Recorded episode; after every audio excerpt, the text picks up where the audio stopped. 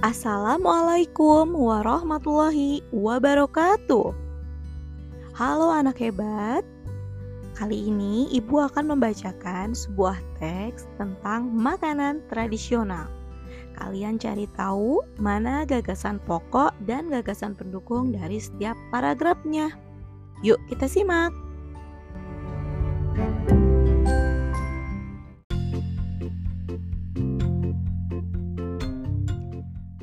Gado-gado, salad segar dengan siraman saus kacang khas Betawi. Paragraf pertama. Gado-gado merupakan makanan khas Indonesia, khususnya Betawi. Makanan tersebut berupa campuran dari berbagai rebusan sayur mayur, kentang, tahu, tempe, dan telur disajikan dengan siraman bumbu kacang serta taburan kerupuk.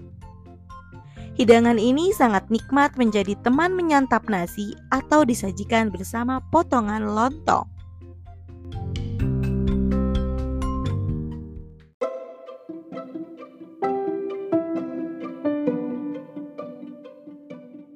Paragraf kedua Sepintas Tampilannya memiliki kemiripan dengan beberapa makanan khas daerah lain seperti lotek dari Jawa Tengah dan pecel dari Jawa Timur. Bedanya, bumbu kacang dalam gado-gado tidak menggunakan kencur. Nah, tidak seperti pecel pada umumnya yang hanya sayuran, gado-gado menggunakan telur, tahu, tempe, dan lontong.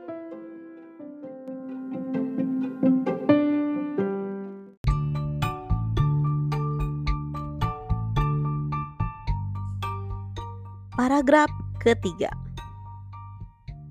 Tidak ada yang tahu persis asal mula sajian unik ini. Akan tetapi, sebagian besar masyarakat menganggap gado-gado sebagai hidangan asli suku Betawi. Asal-usul nama pun nampaknya senasib dengan asal muasalnya. Asal kata gado-gado tidak ada dalam kamus bahasa Indonesia maupun kosa kata bahasa Betawi. Meskipun demikian, Nampaknya keberadaan makanan ini justru menginspirasi perkembangan bahasa. Misalnya, bahasa gado-gado yang berarti bahasa campur aduk.